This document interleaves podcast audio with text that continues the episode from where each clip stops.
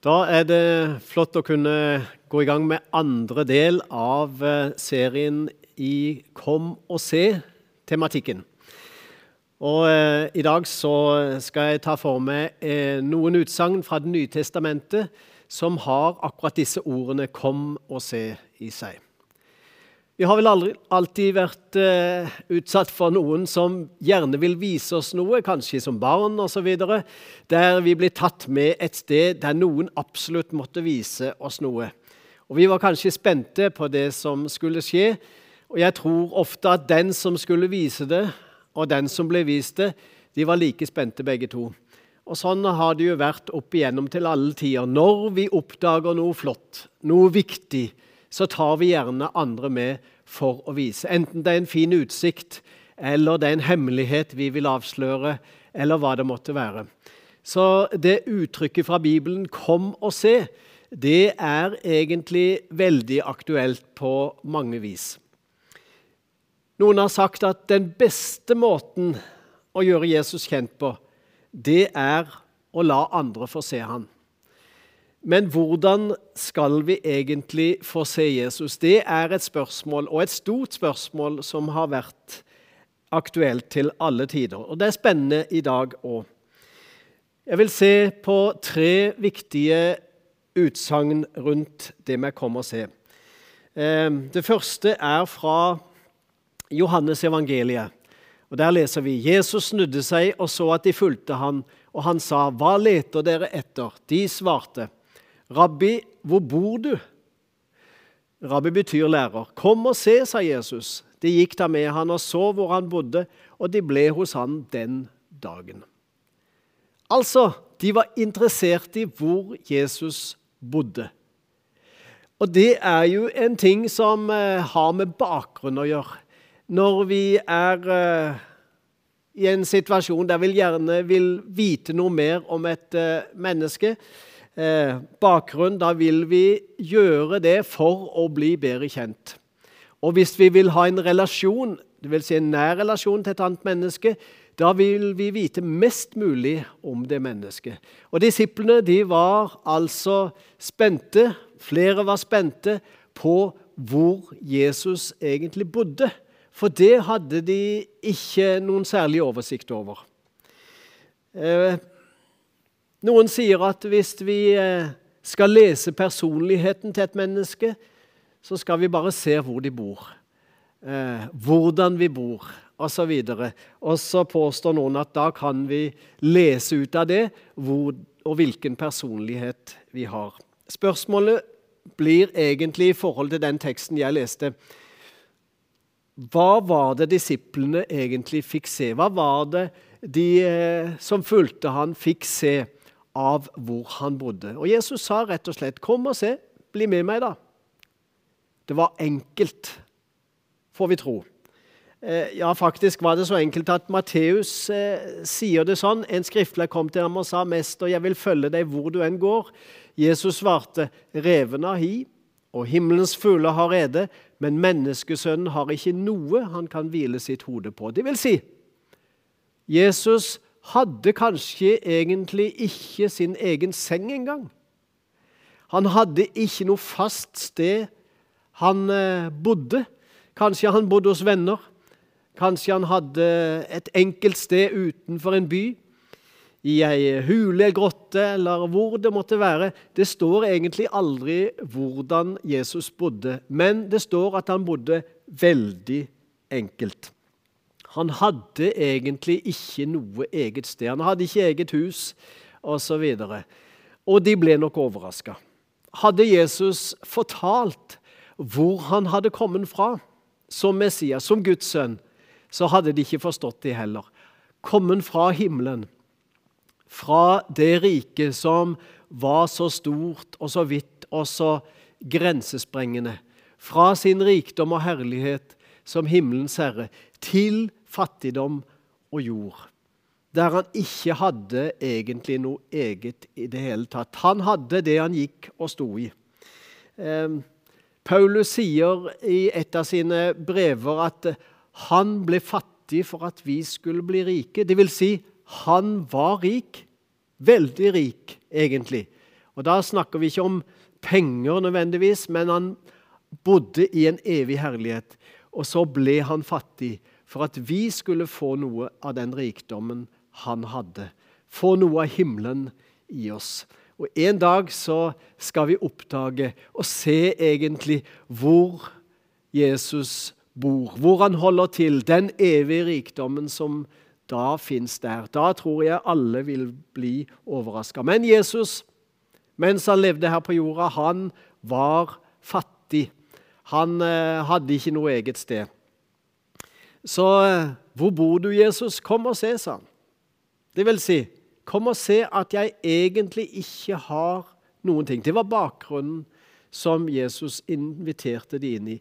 Derfor var det å følge Jesus som disippel det var en utfordring. Det var i hvert fall ikke med garanti for verken penger eller rikdom eller bo i noe palass. Det var egentlig en veldig fattig tilværelse. Det var helt andre verdier som var viktig i det å følge Jesus. Kallet som disippel, ja, hvordan var egentlig det? La oss gå til en tekst fra Johannes evangeliet igjen. Det står Philip traff Nathanael og sa til ham, Vi har funnet han som Moses har skrevet om i loven, og som også profetene har skrevet om. Det er Jesus fra Nasaret. Josefs sønn.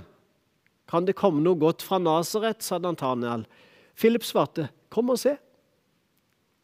Philip tok Nathanael med.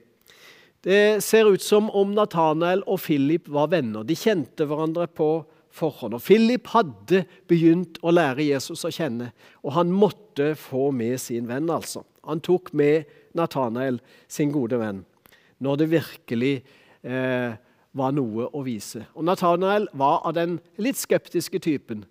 Og Han hadde heller ikke noe særlig syn for de som bodde langt nord i Nasaret. Så kan det komme noe godt fra Nasaret. Så Nathanael utfordra eh, Philip på det der. der. Og Philip tok utfordringen. Men han prøvde ikke å argumentere. Han prøvde ikke å overbevise Nathanael. Han sa rett og slett ja, men kom og se, da. Kom og opplev det sjøl. Hvordan jeg tror at Jesus er. Hvordan jeg tror at jeg har funnet Messias. Kom og møt han sjøl. Og Det er en flott egenskap. Mennesker som ikke overrumpler oss med overbevisning eller med overtalelseskunster. Og Paulus skriver også om det en gang.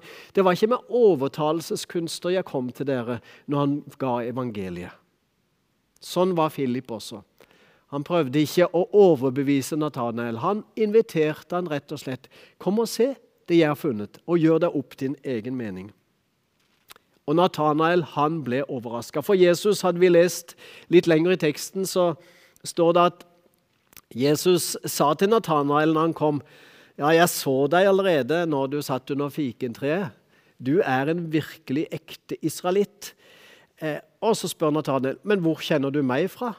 Så det første møtet med Jesus det var et møte som overbeviste han. Jesus måtte være en profet som så inn i hans hjerte, selv om de ikke hadde møttes fysisk, selv om de hadde bare sett hverandre på avstand før.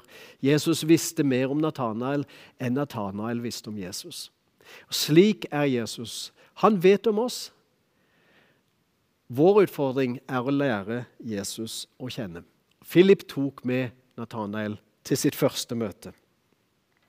Vårt første møte med Jesus kan òg bli en sånn overveldende opplevelse. Jeg tror alltid et møte med Jesus fører til bare godt. Hvis vi har et åpent hjerte, hvis vi har et åpent sinn. Selv om vi skulle stille litt sånn avventende, til og med ha et kritisk spørsmål Et ekte møte med Jesus vil overbevise oss ganske raskt. Det vil eh, ta fra oss argumentene.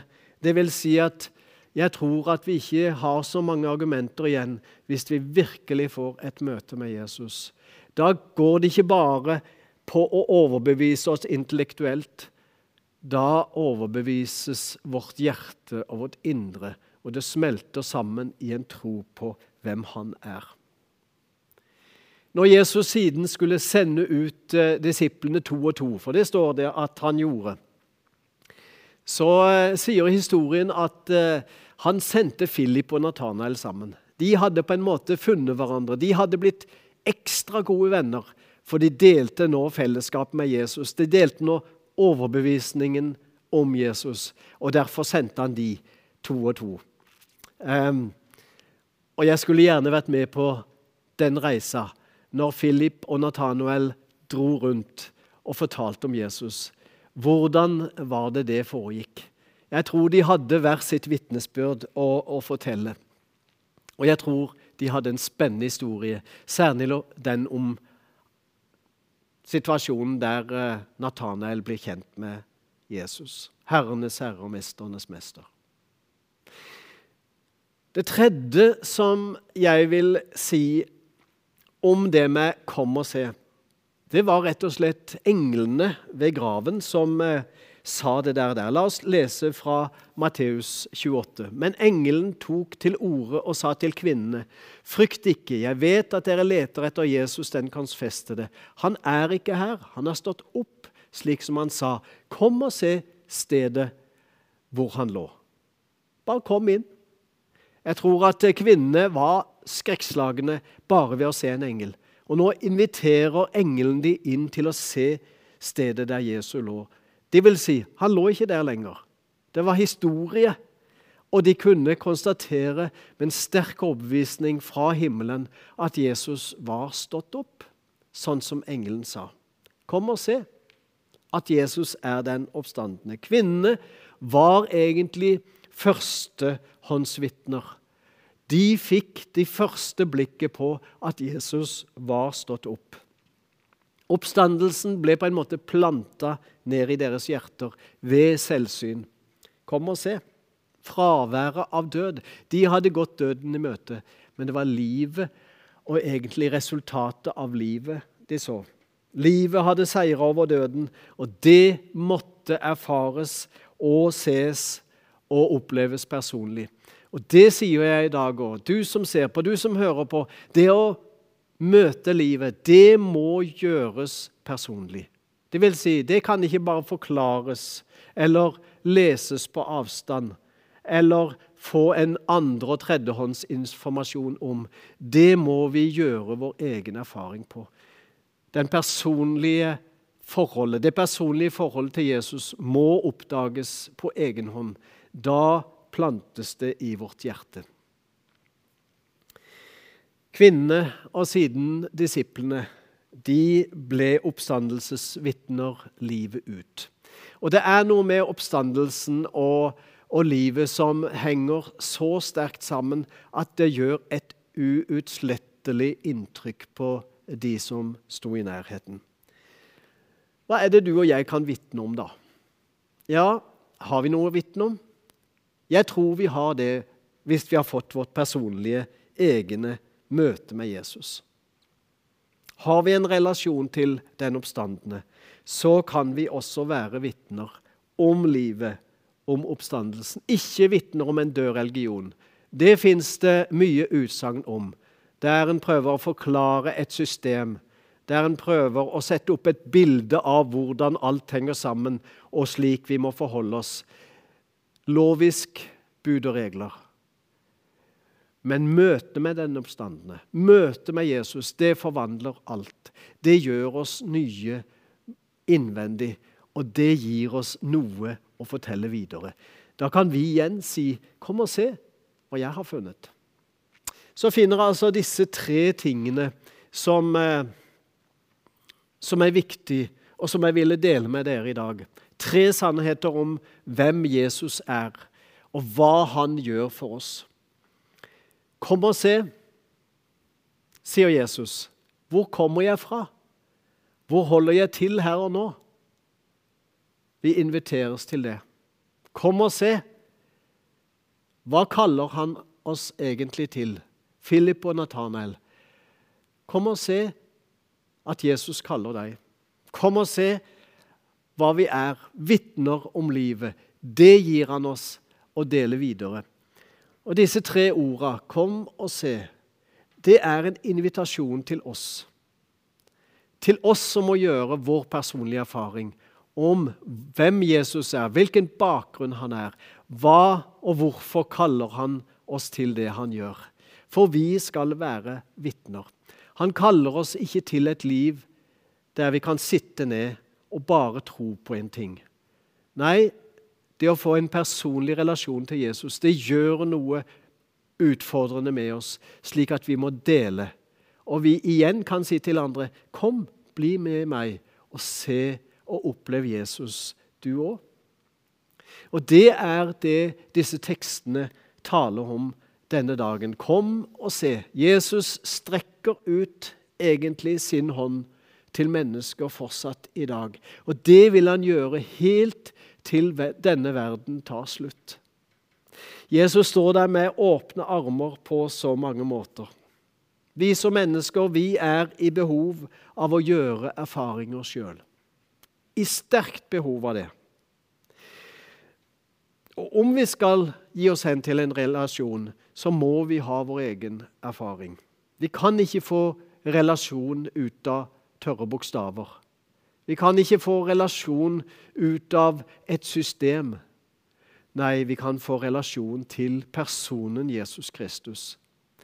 Så ordet egentlig 'personlig kristen' kommer jo som et uttrykk ut av det å gjøre en erfaring. Kom og se, opplev det sjøl. Og slik inviterer Jesus oss fortsatt til å komme og bli med han og gjøre erfaringer med han i dag. Derfor sender jeg denne invitasjonen videre. At du òg, når du har gjort din erfaring, deler den med andre og inviterer mennesker. Ikke til akkurat det du har sett og det du mener, men inviterer til Jesus. Så blir du som Philip. Og Netanael han gjorde sin egen erfaring, og det satte evig spor. Skal vi be. Herre Jesus Kristus, takk for at du er en god Gud. Takk for at når du inviterer oss, så er det til en varig relasjon. Der vi gjør erfaringer med deg, der vi forstår hvem du er, hvor du kommer fra, hvorfor du gikk her nede på jord, Herre, og at du lever i dag, og at vi kan dele det videre. Jesus, hjelp oss at det setter tydelige spor i oss. Og Herre, en nær relasjon med deg, vi tror vi alltid, det alltid vil sette dype spor i oss. Takk for at vi kan dele det med de vi møter, og invitere andre med, enten det er venner eller noen vi ikke har møtt før, og være frimodig på det at vi inviterer de med oss. Herre Jesus, det gjorde disiplene rundt deg. Det gjorde du òg. Du ba også andre mennesker med deg for å vise hvor du kom fra. Herre Jesus, tal til oss, vis deg for oss. Hjelp oss å leve i denne nære relasjonen som skaper dette 'kom og se' også til andre. Vi ber i ditt hellige navn. Amen.